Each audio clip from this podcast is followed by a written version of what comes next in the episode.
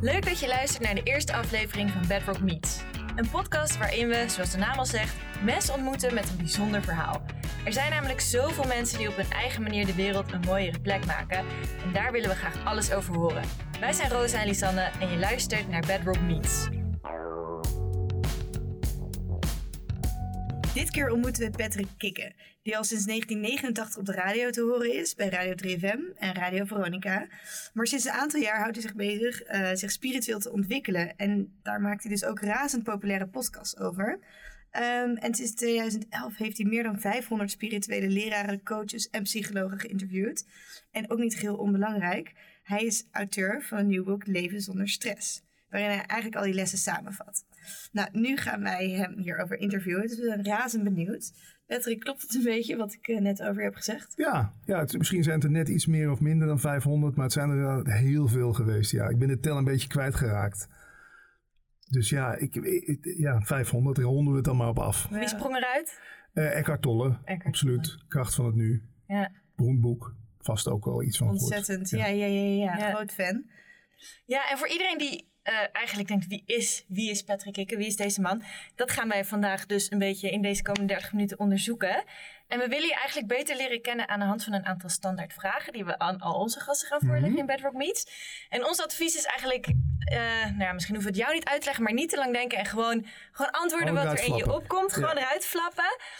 Vraag 1 is eigenlijk, hoe voel jij je op dit moment? Uh, een beetje opgelaten, want we hebben hier TL-verlichting. En dat weet ik niet, daar word ik altijd een beetje nerveus van. Doe maar aan vroeger denken op school. Oh, je, echt? In die, in die noodklaslokalen hadden we van die vieze verlichting van die TL-balken. Dus ik zit nog een beetje in de uh, ondervragingsmodus alsof jullie mijn leraren zijn. Oké, okay, gespannen. Een klein beetje. We gaan heel lief zijn. Oké. Okay. Proberen. Uh, Roos, jij de tweede vraag? Ja, dat is goed. Um, doe je nu wat je altijd hebt willen doen in je leven? Ja, daar lijkt het wel op. Want ik heb eigenlijk nog geen dag in mijn leven gewerkt. Dus ik heb altijd gedaan wat ik wilde. En dat klinkt misschien heel arrogant, maar ja, volgens mij is dat voor iedereen weggelegd. Maar ja? Ja. Je bedoelt doen wat je zou willen doen in je leven? Ja. En hoe weet je... Want jij begon, met, jij begon jouw carrière met radio maken. Ja, daarvoor computers. Ik zat thuis als nerd, computernerd, op zaterdagavond computers te programmeren. Mijn broer werkte bij de radio. En ik zag dat hij daardoor uh, makkelijker contact met mensen kreeg. Met name met meiden, maar met, laten we het even afronden op mensen. Ik was zo'n verlegen puber met puisten die helemaal niks durfde. Dus ik, ja, ik moet toch eens van me laten horen. Dus toen ben ik maar radio gaan doen. Zelf al? Ja, op mijn vijftiende. Ja, 30 jaar terug, lang hè. En hoe ging dat dan? Ja, slecht. Ik wist niet eens dat je de muziek zachter moest zetten als je eroverheen praatte. Dus je hoorde iemand zo... Dat was ik op de radio. Wat grappig. Ja. ja. En, um, want je, je deed dus eerst uh, computers. Ja. Toen ging je zelf radio maken. Toen ging je echt radio maken, om het zo maar even te ja. zeggen. Op de landelijke radio. En nu doe je eigenlijk wel weer wat anders. Ja. Nou ja, ik hou wel een beetje van de troepen vooruit zijn. Ja. Weet je, als iedereen druk is met radio, denk ik, nou, dat heb ik nou wel gezien. Wat is er nog meer? Ja, en toen kwamen die podcasts op. En dan dacht ik, ja, dat is toch veel leuker, man. Want dit blijft bewaard, dit gesprek. Ik heb dan de illusie dat iemand over 100 jaar uh, nog ergens dit zit te luisteren. En denkt, oh god, dat was toen in 2020. Waar hadden ze toen allemaal over? Weet je, radio, dat zend je uit en shoo, het is weg. Ja. Dus ik vind dit een soort, ja, het klinkt misschien heel pretentieus, maar het heeft een soort eeuwigheidswaarde. Iets wat opgenomen wordt en op internet gezet. En Evie, jij doet dus uh, een podcast al tien jaar. Dat is best wel lang. Ja. Dus ik denk dat het, dat het in het algemeen nu wat populairder is sinds een aantal jaar, denk ik wel. Dat mensen Ja, naar podcasts luisteren, drie, dat je het op je telefoon hebt en zo. Ja. Dus dat was al echt al een flink aantal jaren voor de meute vooruit. Ja. Ja, dat heeft twee kanten. Ik bedoel, dat is leuk. Maar er zijn natuurlijk ook heel veel mensen die hun schouders ophalen in die tijd. Van, podcast, wat is dat nou? Radio. Niet worden. Nee, ja, precies. Ja. Radio op internet. En hoeveel mensen luisteren dat dan? Zeg je, maar dan gaat het helemaal niet om hoeveel mensen luisteren. Ik vind dat leuk om te doen. Ja. Dus laat mij het gewoon lekker uitproberen. Maar jij deed dit naast jouw radiocarrière dan? En soms zelfs tijdens. Dus dan zat, zat ik hier een radioprogramma te doen. En rechts zat ik met Paul Smit samen, een filosoof cabaretier, zat ik een podcast op te nemen. En dan, oh wacht, ik moet even een weerberichtje doen. Ah, het wordt 12 graden, eh, eh, verkeersinformatie. Hup, zoep. En waar hadden we het over? Eckhart Tolle. Ja, fantastisch hè, weet je wel. Dus Oh, wauw. ja, Want even voor de luisteraars, jullie hebben ook samen een podcast. Ja. Praten over bewustzijn. Sinds wanneer doen jullie dat? Ja, die is de, eigenlijk de langste sinds 2009. Dat is nu het elfde jaar. We hebben de laatste tien jaar bestaan gevierd in het theater met 200 mensen. 200 diehard fans, is ook zo leuk. Hè? Dan ontmoet je gewoon 200 van je vaste luisteraars. Die je nooit ziet. Die, je nooit, die jou dan wel al heel goed kennen, maar je kent hun nog niet. En ja, het voelt heel vertrouwd. Ja, ja heel cool. Ja. En, uh, want op een gegeven moment ben je gestopt met radio maken. Of althans, je doet nog maar één dag. Ja. En hoe, hoe, hoe ging dat? Ja, met horten en stoten. Want je wilt het natuurlijk niet opgeven. Je wilt je vaste basis, je vaste inkomen. En ja, ik, ik, heb met een, ik heb het nog lang volgehouden. Ik was er eigenlijk in 2000, nou dat wil ik niet liegen, maar ik denk in 2010 of zo was ik er al klaar mee. En dan heb ik het nog tot 2015 op mijn tandvlees volgehouden. Zo. Ja. Lijkt me geen leuke tijd. Nee, het was geen leuke tijd. Maar gelukkig had ik die podcast, want dan kon ik me verheugen. Daar is mijn radioprogramma afgelopen en dan komt Paul en dan gaan we weer podcasten. Of dan komt die en die leraar, die komt naar de studio van Veronica toe en dan ga ik met hem praten over dingen die me echt aan het hart gaan. Ja. Dus ja, dat hield me, die podcast heeft me een soort van lang nog op de been gehouden. Ja. Maar op een gegeven moment ging het niet meer, die combinatie. Wat gebeurde er toen? Ja, toen werd ik, ik kreeg een burn-out. Pa- Paul beweert dat het een bore-out was. Dat heb je natuurlijk. Staat ook. Kan ook. ook. Ja. Dat je echt zo... Kijk, als je op een gegeven moment honderd keer per week U2 en Brian Adams hebt afgekondigd... Ja, wat moet je dan nog? Weet Ja. je wel? Ik kon daar niet meer enthousiast over zijn. Ik vond het ook oneerlijk naar de luisteraars toe. Want luisteraars voelen door de radio en door de podcast heen... of jij bullshit zit te verkopen, toch? Of dat jij het echt meent wat je zegt. Ja, dit is de tip die Roos mij gaf voordat wij podcasts gingen maken. Lies, je moet lachen, want de, de luisteraar hoort dat jij lacht, zeg maar. Die hoort jouw enthousiasme. In je stem, door- ja, absoluut. Ja. En ook de energie. Zorg dat je goed geslapen hebt. Zorg voor goede verlichting. Sorry. Working on it. Ja, een leuke Komt in februari Ikea-lamp. wordt het... eh, Ja. Kaarsjes. ja, eh, het helpt echt hoor. Ja. Weet je. Nou ja, en de, de volgende vraag was eigenlijk, wat heeft jou veranderd? Maar ja, Wat heeft me, ja, alles, volgens mij verander je constant. Ik bedoel, volgens mij zit je nu met een andere versie.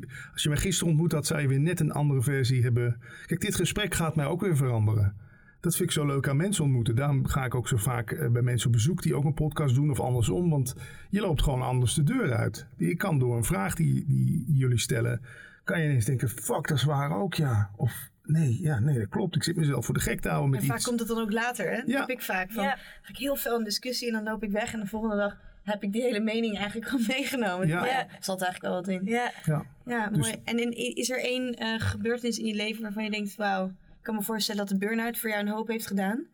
ja. Zeg maar, daarna ben je natuurlijk ook jouw podcast begonnen. Er is één boek, dat heet Een Cursus in Wonderen. Ik weet niet of jullie dat kennen. Is zo'n dik boek.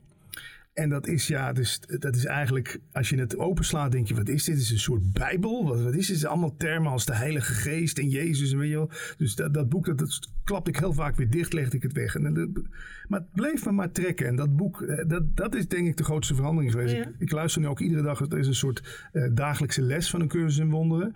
Ja, en daarin, dat is eigenlijk, ja, daarin beweren ze dingen die ik nog nooit iemand heb horen zeggen, weet je wel. En dat vind ik er zo, dat vind ik er zo fascinerend aan. En ik merk dat ik daar wel, dat ik daar echt door aan het veranderen ben. En hoe merk je dat? Ja, ik was ook altijd van het beschuldigen, mezelf beschuldigen. Hè, dat ik, als ik nu iets bijvoorbeeld water zou omgooien, dan was dat allemaal mijn schuld. En eh ben weer stom geweest. Of ik zou jullie ook beoordelen van ja, waarom zorg je nou niet voor dat die beter licht is. Je, ik was altijd in de beschuldigingsmodus. En ja, Cursus en Wonder gaat daar heel erg over. Over de vergeving hebben ze het heel erg. Dat, je, dat er eigenlijk geen schuldige is in de wereld. En dat, ja, dat, dat, dat raakt iets van binnen. Dus je, je, verander, je verandert eigenlijk nog dagelijks vanwege dat je die cursus volgt. Ja, volgens mij wel. Ja. Het is ook 365 dagen, dus het is een soort jaarcursus. Oh, ja. En die hoeft er ook niet voor. Het is geen club waar je lid van moet worden of zo. Dus ik luister dit gewoon als podcast en ik doe het op mijn eigen Ja. tempo. Dus tussen alle Leuk. zelfhulpboeken en boeiende podcasts die we kunnen luisteren, raad je deze zeker aan. Absoluut. Cursus in wonderen, dagelijkse Ja. les. Want het is ook, Oké. Ja, is gratis. Ja. Ook lekker. Ja. Blijft Ja. wel anders. Wat cool. Ja, precies. Oké, Lies, vraag 4. Ja, eh, we weten allemaal wel wat je goed kan. Dat is lekker lullen, denk ik. Goed praten, mensen, mensen interviewen. Nou, luister ook dus. En luisteren, Ja. inderdaad. Communiceren. Maar welk talent zou je graag nog willen hebben? Dat is een goede vraag. Talent. Koken zou ik wel graag willen kunnen. Niet zo goed in. Nee. Kook je wel? Ja, ik probeer wel eens wat. Maar dat zijn dan de makkelijke gerechten. Rijst, pasta, een eitje. Ja. vlees bakken. Maar hadden ze me dat nou op de, op de middelbare school geleerd? Nou, daar had ik mijn hele leven wat aan gehad. ja, echt. ja, leer je de dingen op de middelbare school? Ja. Ja, precies. Of, of in ieder geval, ik weet niet, van die basisdingetjes. ja. Ja. Nou, speaking of which, hier hebben we het ook eh, in een andere podcast over gehad. Moeten we niet op de middelbare school eh, les krijgen in eh, stress? Stressles. Ja. Anti-stressles. Ja. Ja. Ja, het gebeurt op sommige plekken natuurlijk wel. Ja. er worden mindfulness klasjes gegeven. Hè, en je ziet wel eens eh, yoga voor kinderen en zo. Nou, in ieder geval dat je gewoon je denken... Bij, bij school ligt natuurlijk de nadruk zo op dat het denken het allerbelangrijkste is. Hè. Neem je gedachten serieus. Ja, daar kan je natuurlijk ook in doorslaan. Ik bedoel, Eckhart Tolle wijst er niet voor niks op. Een gedachte is maar een wolk die voorbij drijft. Waarom moet je hem serieus nemen?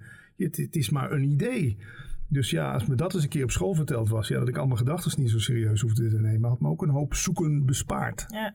denk ik. Zeker, ja, dat denk ik ook. Doe jij dat? Volgende? Ehm, is er een bepaald levensmotto dat jij met je meedraagt?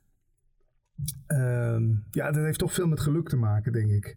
Eh, ik heb Ab Dijksterhuis ooit horen zeggen, dat is een geluksprofessor. Geluk is heel graag willen wat je al hebt. Dus gewoon Tevreden zijn met Ja, wat is. Ja, en, da- en dankbaar. Dat, da- dankbaarheid voor, voor dat we nu hier bij elkaar zitten. En dat we hier eh, stroom hebben en een mooi gebouw. En dat ik hier heb kunnen parkeren en dat ik hier water krijg. Ik bedoel, we kijken over zoveel dingen heen. Die nemen we allemaal maar voor lief. Weet je, nee, dankbaar ben ik voor als ik straks de loterij win. Of als ik, eh, als ik loonsverhoging krijg. Dan ga ik een keer dankbaar zijn. Maar waarom niet dankbaar zijn voor de hele kleine dingetjes? En dat wekt een soort gevoel op van, oh, weet ik niet, zo'n soort verheuggevoel of zo. Ik weet niet of je dat kent. Ja. En ervaar je dit altijd zo? Want dit, ehm, is dit een soort staat waarin je dan nu bent? Of heb je soms ook mindere dagen dat je dat even niet zo Ja, ik vergeet Van, het ook. Ja. Shit, ik voel me gewoon kut vandaag en het gaat gewoon even niet. En ik ben helemaal niet... Ja. Ik kwam terug van Curaçao. We waren een paar weken op Curaçao geweest. eh, en eh, ja, die terugvlucht, dat was voor mij wel een beetje de hel. Met allemaal snel overstappen en een hoop controles. En achteraf dacht ik alweer, loop je nou weer te zeuren, man? Je bent gewoon 8000 kilometer van A naar B gevlogen. En, en je bent daar verzorgd, je natje en je droogje. En dan zit jij nou weer eh alle heisa te maken over dat die overstaptijd zo kort was of zo. Dus ja, ik schiet ook nog wel eens in die val. Is natuurlijk die ego-val. Hè? Het ego zit, zit de hele tijd te kijken van wat kan ik, waar, waar kan ik me hier aan ergeren? Ja. Waar kan ik me hier aan storen? Oh, wacht. Dat blauwe flesje daar, dat irriteert me. Weet je, dan ga je daar een heel verhaal omheen verzinnen. Voor je het weet zit je weer op die trein. Ja, dat ligt voor mij ook nog steeds op de loer. Ik denk niet dat dat ooit echt helemaal weg kan zijn. En wanneer ben jij je dan bewust van het feit dat je dus weer in zo'n negatieve sp- spiraal zal Ja, meestal natuurlijk pas. Nou, eigenlijk vind ik, dat heb ik in cursus wonder geleerd. Als het, als het naar voelt, dan weet je eigenlijk al dat je op, dan heb je het ego aan de lijn. Dan, heb je, dan weet je eigenlijk al, ik zit hier gewoon weer iets te, te fantaseren wat gewoon niet waar is. En dat is, dat is er zo ja, naar aan. Hè? Dat je dan, dan voel je je naar en dan heb je het ook eigenlijk nog stiekem zelf veroorzaakt door je gedachten over de situatie. Ja. En hoe probeer je dan zo dankbaar mogelijk te zijn? Ja, dat is goed. Nou, door in ieder geval veel dankbaarheid uit te spreken. En door ook dankbaar te zijn voor de kleine dingetjes. Ik hoef, ik hoef niet meer. Ik ben nog steeds dankbaar voor mijn 15 jaar oude auto. Dat die heeft nu net een nieuwe accu gekregen. En ik, je zult het misschien stom vinden. Maar ik, als hij weer start op een koude winterdag. Dan, wrijf ik ook, ja, dan haal ik zo over het stuur. En dan zeg ik ook al, fijn jongen. Oude we, rot. we gaan weer. ja, het is toch ook een stukje. Jij kan je zeggen, het is een stukje materie. Je gaat toch niet je auto zitten bedanken. Maar ik weet niet, op de een of andere manier voelt dat goed. Ja. En misschien zijn het ook wel juist dat soort kleine dingen in het leven die het leven zo mooi maken. Ja. Want wij denken dat dat allemaal, dat dit, ja, weet je, dit is allemaal materie. Maar ja, het helpt ons nu wel om te kunnen zitten en te kunnen praten hier al. Ik hoef natuurlijk niet alle dingen te gaan bedanken hier in de studio. Maar Het zou wel, het, zou, het, het brengt je wel in een soort ja, vrolijke liefde ja, staat. juist, dat. Dus ben jij, oh, doe jij dan elke avond even, nou, even drie dingen waar ik dankbaar was voor, voor was vandaag? Nee, ik heb wel een tijd lang, een, dat had ik in de Secret gelezen, je moest een dankbaarheidslijst maken. Weet je die ke- ken? Ja, maar daar ben ik op een gegeven moment ook wel mee gestopt. Die werd zo lang. Ja, of Stuur van de auto, de auto. Ja, de ja nee, precies. Ja, nee, maar op een gegeven moment ga Maar het leuke is, als je dat eens een keertje doet, je gaat je bijna schamen. Je denkt, je, oh, hoe kan het nou dat ik me dan druk zit te maken dat ik geen melk in de koelkast heb? Kijk eens wat er wel allemaal is. Ja, Oh. precies. Dat is een goede realisatie dan, Ja. toch? Ja. Maar niet iedere avond. Nee, dat zou ik misschien wel vaker kunnen doen. ja, dat kan. Het hoeft niet. Nee. Oké. ehm, de laatste vraag van onze standaard vragen. Je hebt het misschien net al een beetje verklapt, maar misschien is het wel heel iets anders. Wie inspireert jou? Eh, jullie nu op dit moment, mij? Ja. Dat is leuk. Ja, want ik, ik ben gestopt met een soort gradatie en inspiratie te maken. Want ja, dit is nu ook inspiratie. En ja, ik kijk heel veel documentaires. Mhm. Ik begin de dag altijd met één of twee documentaires. Kijk alles wat los en vast zit, wat er aan documentaires te vinden is. Eén of twee documentaires. Maar het zijn korte documentaires. Nee, ja. ja. Ik heb natuurlijk de luxe dat ik niet Ja. echt een 9 tot 5 baan heb. Dus ik kan de dag gewoon met, met een paar documentaires beginnen. En dan, ja, dan zie je weer iemand die op Frankrijk een boerderijtje heeft. En die daar alleen maar zich druk maakt over of de aardappeloogst wel lukt en zo. Ja, dat vind ik ook super inspirerend. En wat is de laatste docu die je dan hebt gezien? Ehm, wat, heb ik gisteren of eergisteren nog gekeken? Oh nee, vanochtend dus niks. Nee. Dan moet ik even goed nadenken. Ja, ik zit nog een beetje in mijn jetlag-modus van Curaçao. Ja, dat is waar. Wat heb je in het vliegtuig gekeken? Eh vliegtuig heb ik wel nog iets gekeken over. eh, Nee, ik zit nu die. Dat heeft me wel geïnspireerd. Surviving R. Kelly, die heb ik gisteren de hele, de Oh, dag zitten kijken. Ja. En dan zie ik toch ook weer. De, ja, dat maakt ook weer van alles los. Want ik ben, ben natuurlijk ook een DJ geweest die die aandacht kreeg. En ik denk dan, hoe komt het dat ik me dan wel een soort heb van kunnen beheersen? Dat ik niet misbruik heb gemaakt van de situatie. En, heb ik het, en dan moet ik eerlijk zijn dat ik het ook wel eens wel gedaan heb. En dat is wel het voordeel van zo'n reeks. Ik tenminste, ik weet niet of jullie dat ook hebben. Je gaat het toch op jezelf betrekken. Denk, oeh, hoe zou ik in die situatie zijn geweest? Altijd. Kijk, het is natuurlijk makkelijk om te zeggen, ah Kelly, ah, wat een viezerik en een smeerlap. En zo zou ik nooit zijn. Nou, ik durf dat niet 100% te beweren hoor. Als Nee. ik R. Kelly was geweest en ik had diezelfde neigingen gehad. En ik had zo onder druk gestaan om te scoren. Was ik, ja, Maar je hebt het gedaan ook, zei je? Of wat zei je? nou ja, als disjockey en dan sta je daar ergens te draaien. Ja, als dan, als dan, klinkt heel plat, maar als iemand zich aanbiedt, zullen we maar zeggen. Ja, ik ben daar ook wel eens in meegegaan. Maar ja, gelukkig niet dat het een jong iemand was. Of, eh, Diegene wilde wel ook. ja, ik die wilde ook. Maar toch, nou ja, dat was dus de laatste. Ja. ja. Ja. Ja, mooi. En is er, zijn er eh, verder nog mensen die jou inspireren? Misschien we hadden het net eens even over Eckhart Tolle dan. Of ja, vind je dat toch lastig om je over één iemand uit te spreken? Ehm, even denken. Echt, je, je zoekt echt een held, hè? Ja, misschien. Ja, ik ben of mensen die je, prikken. die je volgt, waar, waarbij jij denkt, nou, daar haal ik altijd wel iets uit. Stom, hè, dat het stil blijft, hè? Nou, wat, wat, wat veel mensen ook hebben, Ik zou het ook niet weten hoor. is dat je natuurlijk een, een beetje uit dit persoon haalt. En een ander beetje Ja, haal je weer uit dat, dat. gesprek. Het Ja. is natuurlijk gewoon een, een combinatie vaak. En ik vind het eigenlijk Ja. iets vanuit je jeugd. Weet je, kijk, dat je als je 14, 15 bent, dat je dan heel erg ophoudt aan, weet ik het, eh, de Backstreet Boys. Of die je als voorbeeld gaat zien. Maar op een gegeven moment moeten die stijgers naast dat huis, vind ik eigenlijk wel wegvallen. En dan moet je gewoon op, op jezelf. Ja. En het- er druist ook een risico in, want zeker in die spirituele wereld. Ik ben natuurlijk Muji gaan interviewen in eh, Portugal. Ja, dan zie ik mensen die hun hele hebben en houden aan Muji ophangen. En de een doet hem zijn schoentjes aan, de ander haalt zijn vliegen weg bij zijn koffie. Ja, dat zit ook iets. Nou ja, gevaarlijk wil ik het niet noemen. Maar ja, ik, ik, nee, ik, misschien ben ik er nuchter voor. Ik, kan me niet, ik zou me niet helemaal kunnen overgeven aan één iemand. Nee. Maar dat is natuurlijk weer het anders dan dat iemand je inspireert. Maar Ja. Ja, het, het kan zo zijn dat je gewoon even iemand... Ja, natuurlijk wel. Hans Theeuwen, Paul de Leeuw, dat waren mijn voorbeelden in mijn jeugd. Eh, Edwin Evers op de radio, Jeroen van Inkel. Maar ja, ik, ik vind het nu wel lekker dat ik een beetje mijn eigen pad kan verkennen. En eh, dat ik niemand, niemand meer hoef te kopiëren of zo. Nee. En dat vind ik wel een eh, mooie vraag eigenlijk. Ik ben wel heel erg benieuwd. Hoe, hoe is die omslag zo voor jou gekomen? Dat je nu meer je eigen... Ja, ja, je, je noemt het zelf, je bent je eigen pad. eh, heb je eigenlijk gecreëerd. En waar kwam die behoefte op een gegeven moment vandaan? Dus om meer over spiritualiteit te gaan praten... en dit soort grootheden te interviewen, er podcast over te maken. Ik heb het wel eens onderzocht. Blijkbaar de vader van mijn vader, die studeerde al theologie. Dus het zit ook in je genen. Hm. Dat je ineens die interesse hebt in, in, in, het, in het... Ja, mijn moeder zat vroeger altijd met de flessen water voor de radio. Als Jomanda het water ging instralen. Dat is fantastisch. Oh, wat grappig. Jomanda, het medium, Ja, ja, ja, blauwe jurk. Ja. Die ging via de radio water instralen. Nou, we hebben hier een kan staan, we kunnen het proberen. Maar, en dan ging mijn moeder echt van, nou, hier heb je een bekertje Jomanda water. Dan gaat het vast beter morgen, weet je wel. Maar zij geloofde daar heilig in. Dus ik heb ook van mijn moeders kant heb ik dat een En beetje. jij toen? Wat, hoe Ja, ik had daar. Ja, ik dacht ook, baat het niet, dan schaadt het niet. Ja, nou stond er voor open? ja, ik stond er wel voor open.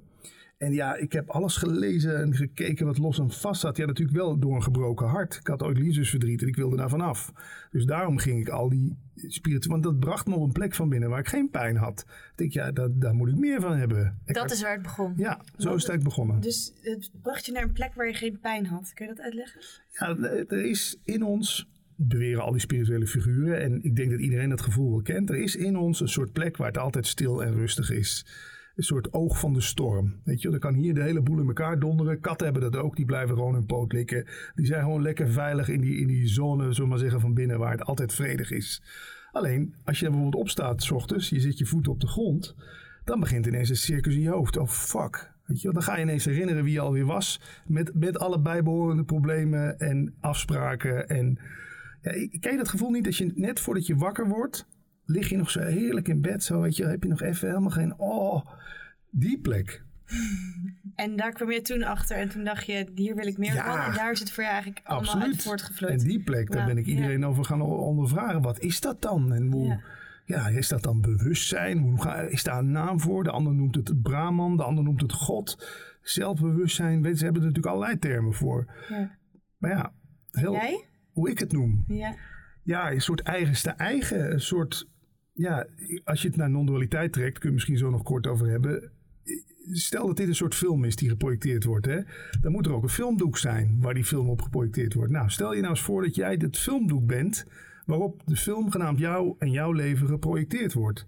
Je bent het filmdoek en het filmdoek maakt het eigenlijk niks uit wat er in de film gebeurt, want die weet, ja, daar is de volgende scène en dan is het alweer weg. Dus ja, als je daar een soort van naar terug kan trekken. Jan van Delden noemt dat de achterste stoel. Waarin je eigenlijk gewoon lang uit onderuit zit te aanschouwen. De aanschouwer van dit alles, zullen we maar zeggen. De- altijd zo'n beroemde uitspraak in non-dualiteit. Waarnemen dat je doodmoe bent, kost geen enkele moeite. Er is dus iets in ons wat helemaal niet met doodmoe bezig is of met heel fit. Nee, iemand, iets wat dat ziet.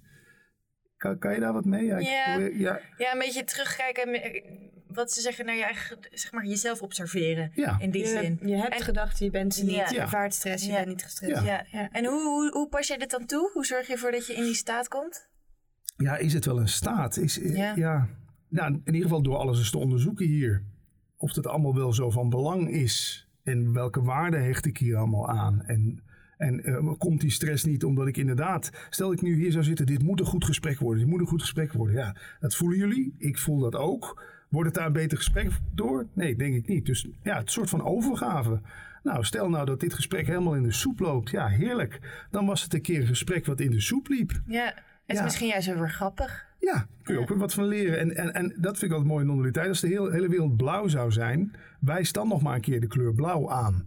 We kunnen nu zien dat dit wit is, omdat hier zwart staat. Snap je? Als alles hier in deze kamer wit zou zijn, ja, waar, hoe, dan kan je wel zeggen, dat is wit. Ja, maar dat is ook wit. Snap je? Dus we hebben een soort tegenstelling nodig. Dus er moeten ook gesprekken zijn die in de soep lopen. Ja. Want anders kunnen we ook nooit meer zeggen, god, dat was een goed gesprek. Ja.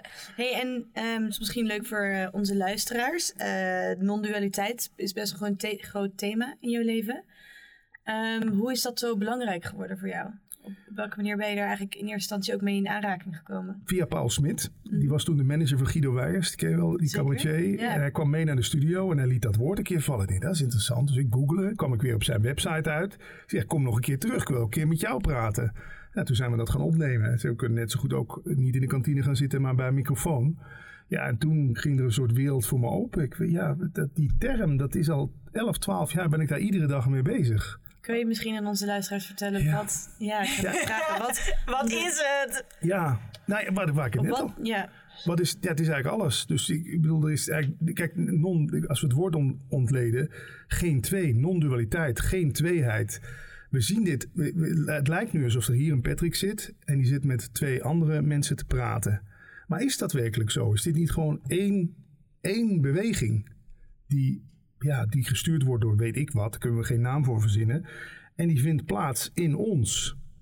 ja. Snap je? zeker. En ik denk ook dat er luisteraars zijn die zeggen... Ja, maar er zitten toch drie mensen fysiek tegenover Zo elkaar. lijkt het. Met drie ego's. Ja. Dat zal de luisteraar ook begrijpen. Nou ja, dat wordt dus in onze tijd zo beweerd. Die afgescheidenheid, dat, dat is eigenlijk voor ons super pijnlijk. Dat we ons afgescheiden wanen van het ene, de bron. Dat waar we uit voortkomen. En daar zijn we ons hele leven mee bezig om dat een soort van te herstellen. Dus dan gaan we maar liefdesrelaties aan. We denken, oh, als ik daar een miljoen op de bank heb, dan, dan gaat dat gevoel van afgescheidenheid wegvallen.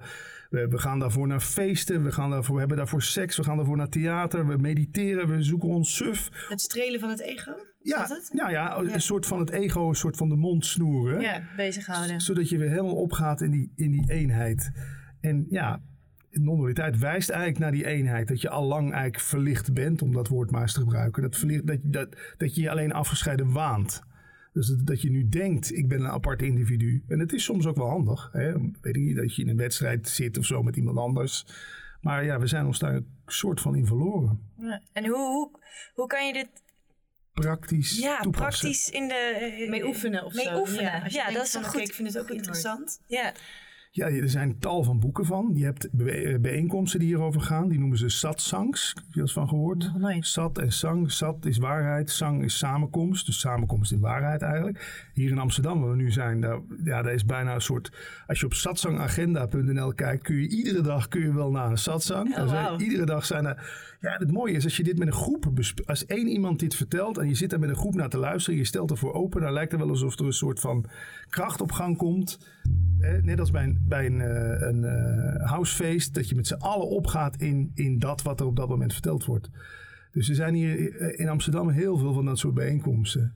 En, maar moet ik eerlijk zijn, dan zit ik daar helemaal zo helemaal in de eenheid te zijn. Maar als ik dan naar buiten loop en ik sta weer bij het stoplicht en er trekt iemand niet snel genoeg op. reality kicks in. Dat Ja. is natuurlijk een nadeel. Je kan ook daar verslaafd aan raken. Net als ayahuasca, dat zullen jullie ook kennen. Dus ik, hebben mensen ook die eenheidservaring. Ja, dan gaan mensen eh, iedere week ayahuasca zitten doen. Ja, dat lijkt me ook niet heel verstandig. Het moet, zal toch op een gegeven moment... Een Uit soort, jezelf ja, moeten komen. Ja. Hey, en eh, nu weet ik dat don- non-dualiteit ook eh, zegt, of daar gaat ook over dat je dus eigenlijk geen invloed hebt op jouw leven. De vrije wil. Ja, dus wij denken dat van oké, ik zit hier met jou een gesprek aan te gaan omdat we, daar heb ik voor gekozen. Of ik eh, werk hier of ik ga Mhm. op reis. Ehm, maar in de non-dualiteit is dat niet zo. Ja, er wordt beweerd de dingen gebeuren gewoon. En je hoofd komt er later bij. Dat zegt, dat heb ik goed gedaan, dat heb ik slecht gedaan, had ik beter moeten doen. Dus dat het de ik eigenlijk het verhaaltje achteraf is. Ja. En hoe zit het dan met ik boek een ticket en zeg maar dat... Ja, Dat je toch echt iets doet. Ja, Je onderneemt toch actie. daar lijkt het op, ja. Maar het, als je helemaal terugbrengt, er is ergens ooit een gevoel begonnen van ik wil, ik wil dit doen of zo, hè. En kun je echt al veel voordat Ja. die knop natuurlijk Ja. werd ingedrukt, is dat ooit een keer een soort, Ja, eh, hoe zeg je dat, een, eh, een dingetje dat Een idee een geboren. zaadje Ja, is geplant. ja. ja. En dat jij nu zo met je tong deed in de mond. In de mondhoek.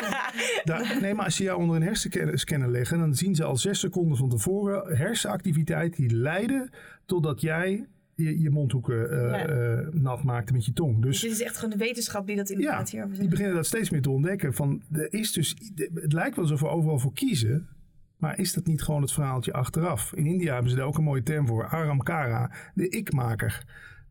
Die, je plakt overal post-it notes op van heb ik gedaan, heb ik gedaan, heb ik niet gedaan, heb ik wel gedaan. Had ik beter moeten doen, heeft zij gedaan, snap je? Terwijl het eigenlijk alleen maar de uitkomst is van, Van wat er was. Iedereen. Ja. Ja. Want begin maar eens met de geboorte, of met jouw verwekking. En daarna dat, dat, bedoel, lichaam is allemaal maar gewoon, dat is allemaal vanzelf gegroeid. Handjes, beentjes, weet je. Het heeft zelf bepaald wanneer het naar buiten kwam. Op het moment dat die navelstreng wordt doorgeknipt, is, is het ineens blijkbaar iets Apart. nou, apart. Een afgescheiden individu met, een- met na een paar, het eerste paar jaar heeft het ook nog geen zelfbesef. Van een kind wat in de spiegel kijkt, dat weet helemaal niet dat, dat hij of zij dat is. Het is gewoon allemaal zichzelf. En er komt op drie jaar komt er een soort ik-besef over. Vanaf nu ben ik ineens verantwoordelijk voor alles wat ik doe en wat ik zeg. En ja, En het bijzondere is eigenlijk, dat bedenk ik me nu pas, dat in die eerste drie jaar, die zijn dus cruciaal. Eigenlijk voor de rest van je leven. Hè? Dus in je eerste drie jaar Ja. wordt volgens mij bepaald of je veilig of niet Ja. veilig bent. Dus dat is dan eigenlijk ook wel heel interessant. Terwijl die ego dan eigenlijk pas later, Later, later komt kijken. ja. Heel interessant. Ja. Hey, en hoe zorg jij dat jij hier... Er komen, je hebt volgens mij 60.000 gedachten per dag. Mhm. Maar als je dan over al die gedachten ook gedachten gaat hebben van... Hé, hey, oh, ik ben jaloers. Oh, ik, ben, eh, ik heb een ego. Dan heb je er 120.000 Ja. per dag. Dus ik kan me ook voorstellen dat je ook ja, niet te veel wil bezig zijn met het feit dat je Zo bewust eenmaal zijn. een ego hebt. ja. Ehm, Nee, want hoe meer je met de ego bezig gaat houden. Kijk, of juist niet, hè? Ja. dat kan dan ook. Ja. je maakt het eigenlijk een soort tot waar. Dat is hetzelfde als wij nu heel erg zouden praten over die plant die daar staat. Weet je wel, die, er staat nu geen plant. Maar hoe meer wij daarover gaan praten, op een gegeven moment gaan we gewoon een, plant zien. Dan denken we, eh, hij zal wel gelijk hebben, er staat daar een plant. Weet je wel, maar als je er niet mee bezig bent. Huh? Wat we hebben. Dus eigenlijk, daarom noemen ze het in non-dualiteit ook de ik-illusie. De ik is eigenlijk een soort kaartenhuis die je zelf construeert door er constant maar mee bezig te zijn. Je hebt een shirt aan met ik wil niks. Dus er gaat er alweer vanuit dat er een ik is die iets kan willen. Dat niks is. Ja, s- snap je wat ik bedoel? Dus die ik wordt een soort van, dat is een, een mentale constructie. En hij is soms functioneel. Ik, bedoel, ik ga natuurlijk niet praten hier van eh, eh, bewustzijn wil graag nog een glaasje water. Weet je, dat is ik wil graag. Ja, nee, dat zou je, zo, zo, zo zou je kunnen doordraaien. Maar ja, En hoe zorg je er dan voor dat jij er niet in doordraait? Nou, door iets. de- kijk, ik heb thuis op de wc bijvoorbeeld een ego-museum. Daar hangt alles wat ik ooit was. Weet je wel? Alle krantartikelen van vroeger, radioprogramma's, cd'tjes die ik heb uitgebracht. Het is allemaal oude shit. Dus het is allemaal op de wc. Toepasselijk. Ja, toepasselijk. Dus dan weet ik gewoon, nou, dat is mijn ego-museum. Dit is wie ik ooit was. Dit ben ik niet meer. Dus ik, ik, ja, ik probeer zo weinig mogelijk aan mezelf te kleven. Maar het is lastig, want dan breng je zo'n boek uit. En dan staat dan toch je, je naam op. En dan moet je weer heel erg opletten dat je gaat, ja, dat is mijn boek. Dan ga ik me identificeren met het boek. En dan ga ik dus ook iedere dag vragen, hoeveel zijn er verkocht? Want daar hangt mijn zelfbeeld aan vast. Nee, ja, ik hou me niet mee bezig. Ik wil het ook niet weten. Ik heb uitgever gezegd, ik wil niet weten hoeveel er verkocht wordt. Ik wil me niet meer met cijfers. Er gaat ook een hoofdstuk over in het boek. Ik wil niet meer met cijfers bezig zijn. Alles wat dat ik naar zich toe kan trekken om zichzelf op te, Te bouwen, te strelen. Daar, ja, daar probeer ik een soort afstand van te nemen. Oké. En gebeurt het nou een keer wel? Ehm, is dat erg? Nee, niet erg, maar dan wel weer een reminder. Want het brengt vaak meteen angst en wantrouwen met zich mee. Is dat zo? Als jij weet het is de 17e druk. Ja, maar dan komt er toch altijd, dan ga je naar de toekomst projecteren. Ja, maar dat boek van Kelly Wekers, dat is, dat is al de twintigste druk. Oh, ik ben minder dan Kelly Wekers. Weet je, dan, dan gaat die ik, dat is natuurlijk ook gewoon altijd maar vergelijken met anderen. En Nooit goed genoeg. Nooit goed genoeg. Het is een bodem, dat zegt Eckhart Tolle zo mooi, het is een bodemloze put waar je alles in kunt blijven gooien. Het zal nooit de, de top bereiken. Nee, En daar Nee. ben ik dan wel achter gekomen. verlangen is altijd groter dan het hebben ook in die zin. Het is altijd een gras altijd groener aan de overkant. Ja. In die Maar ik kan me ook voorstellen dat je moet waken dat je jezelf niet afstraft. Van, oh ja, ben ik weer met het ego bezig. Ja, zo ja. Nee. Dus, Nee, want nee, dat is jezelf inderdaad met een zweep op de rug slaan voor iets wat toch uiteindelijk Ja. illusoir is. Kijk, iets wat niet waar is, hoeft natuurlijk niet bestreden te worden eigenlijk. want Het is niet waar. Alleen ja, het is ook een soort slim trucje lijkt het wel van je ego. Van ja, nu moet ik van mijn ego af. Ja, maar dan ben je toch bezig met iets wat al in het begin niet waar was. Snap wat ik bedoel? Ja, Dus dat, nou ja. ja. Nou, we hebben ook nog een paar leuke. We hadden op, via ons Instagram even een eh, aan Oh, onze ja. luisteraars gevraagd, eigenlijk aan onze lezers, of ze nog vragen aan jou hadden. Die had je ook heel mooi gerepost. En we hebben wel een paar leuke vragen gekregen. Werner vroeg zich namelijk af: hoe zou je met de inzichten van nu je radiocarrière zonder stress hebben kunnen Ja. voortzetten? Dat is een goeie. Maar eigenlijk had je, want je zei net, ja, ik had misschien eerder nog wel een board-out. Dat je daar Ja. niet echt te maken Ja, ik was er eerder mee gestopt, denk ik. Ja. Want ik heb toch nog een tijdje voor de naam en de faam heb ik het zitten doen. De En- ego. Ja, en ook je, het geld, wat natuurlijk ook maar fictief is, wat je nou gestort krijgt. En ik weet dat het allemaal makkelijk klinkt, want zeg maar eens tegen iemand die geen geld heeft, geld is fictief. Maak jij je daar nu niet meer druk om? Om wat je verdient? Nee. Is dat omdat je gewoon het ook toch niet uitmaakt? Want ik kan me voorstellen dat als mensen echt nog Ja. wel wat geld nodig hebben, dat dat dan lastiger is. Ja, ik, zie, ik heb er nooit veel mee gehad. Want ik vergat altijd facturen te sturen. en dan moest iemand weer, hé, hey, stuur eens een factuur. Oh ja. Het is voor mij iets heel abstracts getallen en, en geld, ja. Dat is eenmaal zo. Dit is ook niet in geld uit te drukken, toch? En Nee. er is ook geen geld mee gemoeid. Daarom zijn het vaak ook de leukste ontmoetingen. Ja. ja, dat is ook wel leuk om te weten. We doen het beide eh, vrijwillig. Ja. ja, Ja. we worden niet hiervoor Ja. eh, gesponsord. Maar dat zijn mensen, mensen vragen me, wat is je verdienmodel met podcast? Zeg, dit is het verdienmodel. Je ontmoet elkaar. Ja. Je komt op plekken. Ik bedoel, ik, mijn vriendin en ik zijn eh, op vakantie geweest naar Portugal. Drie weken lang in het huis van een podcastluisteraar. Nee, nou, Ja. Kijk wat Ja. het je brengt, ja. Drieënhalve week naar Curaçao. Ook iemand die het podcast luisterde, die zei, kom je op ons huis passen? ja. Er zijn films ontstaan, hè, alles over niets, de film op YouTube. De- de- het, brengt je, het, het brengt je in een soort economie waar geld eigenlijk pas op de derde of vierde plek komt. Ja. Uitwisseling van. Allemaal podcast maken. Ontmoetingen. Ja. ontmoetingen. Rijk in ontmoetingen. Ja. Eigenlijk, ja. En ehm, nog een vraag van, eh van Mau. En zij vroeg zich af, waar hou jij je geluk uit? eh, uit het zijn zelf. Ik ben er wel achter gekomen dat geluk iets is wat je meebrengt naar het feestje hier. Dus dat het niet, ik we denken dat geluk iets is we kunnen onttrekken hier aan, aan dit gebeuren. Maar dat, ja, daar ben ik toch, dat is heel kortstondig geluk. Dan koop je die nieuwe auto een dag, twee dagen. Zes weken geloof ik. Ben je blij met Ja. het nieuws. Ja. Maar dus ook met een auto van een ton of Ja, zo. maakt allemaal Zes niks weken, uit. Ja. is het weg. Ja, dan is het weg. Dus ja, en ik, als je geluk kunt meebrengen. Met altijd mensen die gaan naar een feest doen. Dat zou mij benieuwen of wat wordt. Dan Denk je, ja, maar jij maakt mede het feest. Hallo. Ja, Je bent een van Jij de bezoekers. Dus, verantwoordelijk voor je eigen geluk. Dus neem het mee. Metafoor is dat. Ja. Ja. Ja, goeie. Ehm, zullen we de laatste vraag stellen? Wij willen eigenlijk nu op het einde gewoon nog even weten van jou wat de meest bijzondere les is die jij in je leven tot nu toe hebt geleerd. En die je misschien zou willen meegeven aan onze Ja. luisteraar. Les. Kun je eens een voorbeeld geven wat zo'n les zou kunnen zijn? Daar heb ik iets Misschien iets waardoor jij geïnspireerd heeft, wat, wat, wat jou veranderd heeft misschien. Iets wat je nu leert in, je, in, dat, in dat boek. Cursus en wonder. Ja, er is, er is geen schuld. Er zijn geen schuldigen. Weet je, En anderen niet jezelf. ik had dat al met die aanslag bij Bataclan. Weet je wel, dan is iedereen bezig. Wat een klootzakken. En we moeten ze ophangen aan de hoogste boom. En dan denk ik, jongens, kunnen we ook eens even verdiepen. Hoe denk je dat je. Wat denk je wat er allemaal van tevoren gebeurd is? Dat jij tot een daad komt. Als dat je denkt dat eh, eh, iedereen neerschieten in een nachtclub. Dat jou dat vervulling gaat brengen. Of dat jou dat eh, in de hemel gaat brengen. Dat- dat- Kunnen we ook daar eens naar kijken? Weet je wel, in plaats van meteen maar met het vingertje wijzen. Oh, zij zijn slecht, wij zijn goed. Dat, dat, dat er eigenlijk geen schulden, maar dat is ook logisch. Als, als je non-dualiteit beweert dat er geen ik is die de dingen doet, de, de, de doener eigenlijk maar gewoon een, een fantasie is, hoe kan er dan überhaupt ooit iets of iemand schuldig zijn? Nu is dat natuurlijk wel een lastig voorbeeld bij zoiets. wat Ik je- weet het. Ja, ja, ja. Maar toch, het, het, het er is met liefde naar kijken. En niet, daarmee keur je het niet goed. Natuurlijk, de daad, ik vind de daad keur je af, maar de, de, degene achter de daad. Dat vind ik al zo erg als ik films over gevangenissen zie. Al die mensen die maar weggestopt zitten daar. Ja. Ja, de daad, daar worden ze voor veroordeeld. Maar de mens wordt ook meteen hè, er wordt Gestraft. gestraft en wordt gezegd, daar is niks meer van over, daar hebben we niks meer aan. Daar zou ik graag eens, dat we dus iets verder kijken dan de daad. En dat die schuldvraag oplost. Interessant. Prachtig. Nou, mooi. Ja, mooie conclusie. hè? Ja, ik hoop dat luisteraars je dit in ieder geval ook aan het denken zet. Patrick, wij willen jou bedanken dat je een boekje over jezelf wilde Open openen. doen. Hier in deze, in deze podcast. En superleuk om meer over jou te weten te komen. En als wij of luisteraars jou willen volgen, waar kunnen we dat doen? Eh levenzonderstress.nl, dan kom je op de podcast. En praatoverbewustzijn.nl.